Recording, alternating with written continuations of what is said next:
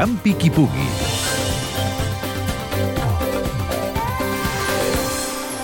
Cada dia, en petits recintes a qualsevol ciutat o poblet de Catalunya, podem trobar nombrosos aficionats a les bitlles catalanes que practiquen aquest esport autòcton.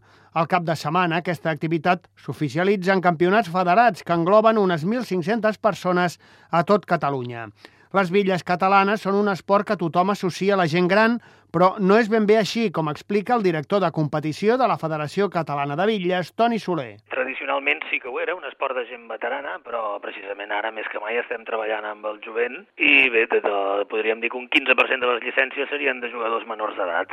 La federació organitza lligues de caire nacional i altres de comarcals. Serien les que tenen més tradició, acostumen a ser la, han sigut fins ara les comarques del Pla de Lleida i de les Terres de l'Ebre. Ara, on més estem creixent els darrers anys, doncs potser seria la província de Barcelona i de Girona i els resultats es van, es van equilibrant.